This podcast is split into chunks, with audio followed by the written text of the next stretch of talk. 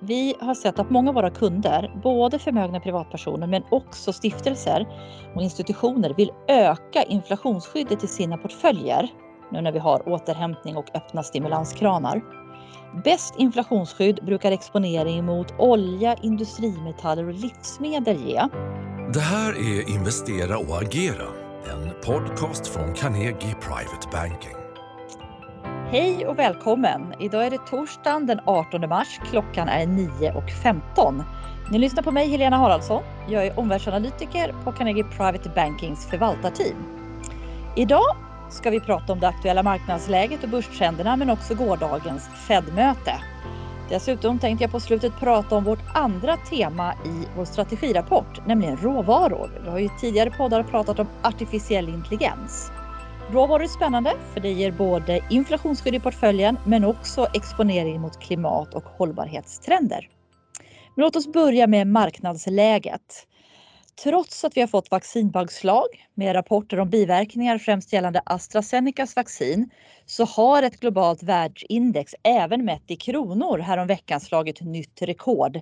Det vill säga alltså nådde upp till de nivåer som vi inte har sett sedan före pandemin bröt ut i februari förra året. Den här starka börstrenden rimmar ändå väl med de ökade stimulanser som vi får senast från Europeiska centralbanken ECB men också från Biden i USA som fick igenom hela sitt paket trots bättre ekonomisk data och trots snabbare vaccinering än väntat. Man får nästan intrycket av att de är beredda att låna hur mycket som helst för snart ska de också presentera stora infrastruktursatsningar. Börsglädjen rimmar faktiskt också med den positiva framtidstro som vi ser hos VD i de stora amerikanska bolagen.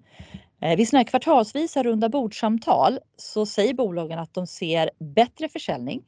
De ser expansivare anställningsplaner, eller de har expansiva anställningsplaner, men också expansivare investeringsplaner. Det som är lite oroande på börsen på kort sikt, det är att uppgången har varit så enormt starkt och att vi ser inslag av spekulation. Alltså alla vill vara på börsen. Eh, det är till och med så att Bidens stimulanscheckar uppger vissa hushåll kan de tänka sig placeras i aktier. Eh, vi har också sett ett enormt antal emissioner av så kallade spackar eh, som då redan till antalet i år är lika många som under hela 2020.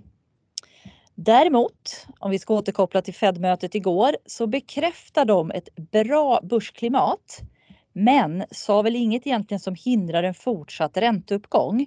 Så vi tycker att deras besked rimmar väl med vår övervikt i aktier men också vår tro på fortsatt sektorrotation. Alltså från tech och tillväxt mot mer konjunkturkänsligt. Vad Fed säger, eller Powell säger, är att ekonomin tack vare stimulanser och vaccin kommer växa hela 6,5 procent i år. Tidigare trodde de 4 procent.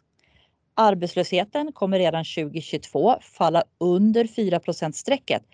Ändå så kommer penningpolitiken förbli lätt med nollränta och stora obligationsköp om 120 miljarder per månad. Fed är inte heller oroad över börsens värdering, så glatt budskap.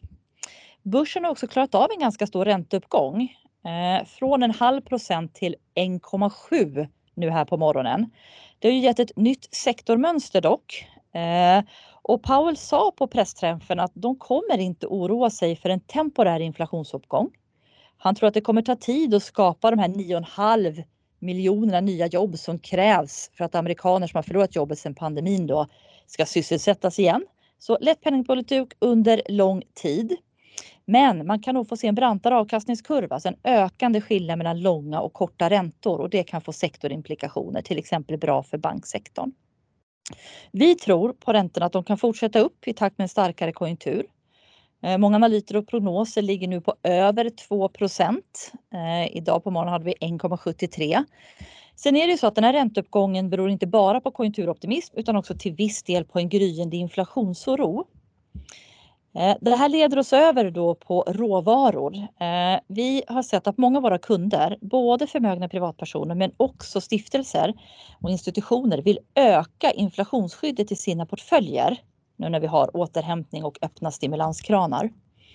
Eh, och för inflationsskydd så fungerar ju breda råvaruindex bra. Det finns flera sådana med lite olika sammansättning. Bäst inflationsskydd brukar exponering mot olja, industrimetaller och livsmedel ge. Nu har vi redan sett oljepriset och kopparpriset stiga ganska ordentligt, eh, men vi tror att både de och andra råvaror och metaller har mer att ge när konjunkturen förblir stark.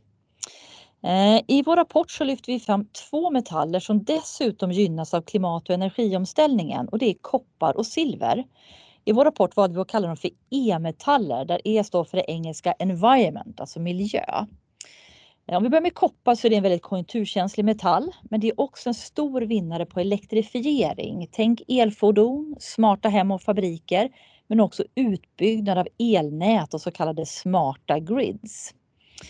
Eh, silver är ju en ädelmetall så den är mindre cyklisk, men det är faktiskt så att allt mer av silverefterfrågan kommer från industrin. När man till exempel kraftproduktion, energilagring och digitalisering. Och två ganska roliga exempel är att solceller står idag för 10% av efterfrågan på silver. Och man prognostiserar att om några år så kommer elbilar och den produktionen också stå för ungefär 10% av efterfrågan på silver. Eh, I våra portföljer så har vi redan nu viss exponering mot koppar och silver i, i vår lite mer eh, tradingportfölj Global Macro. Vi har oljeexponering i vår portfölj alternativa investeringar och i vår portfölj för svenska aktier så är Boliden en av våra favoriter. Eh, vi köper koppar långsiktigt men också på en rekyl. Silverpriset är spännande därför att det inte gått lika starkt som kopparpriset.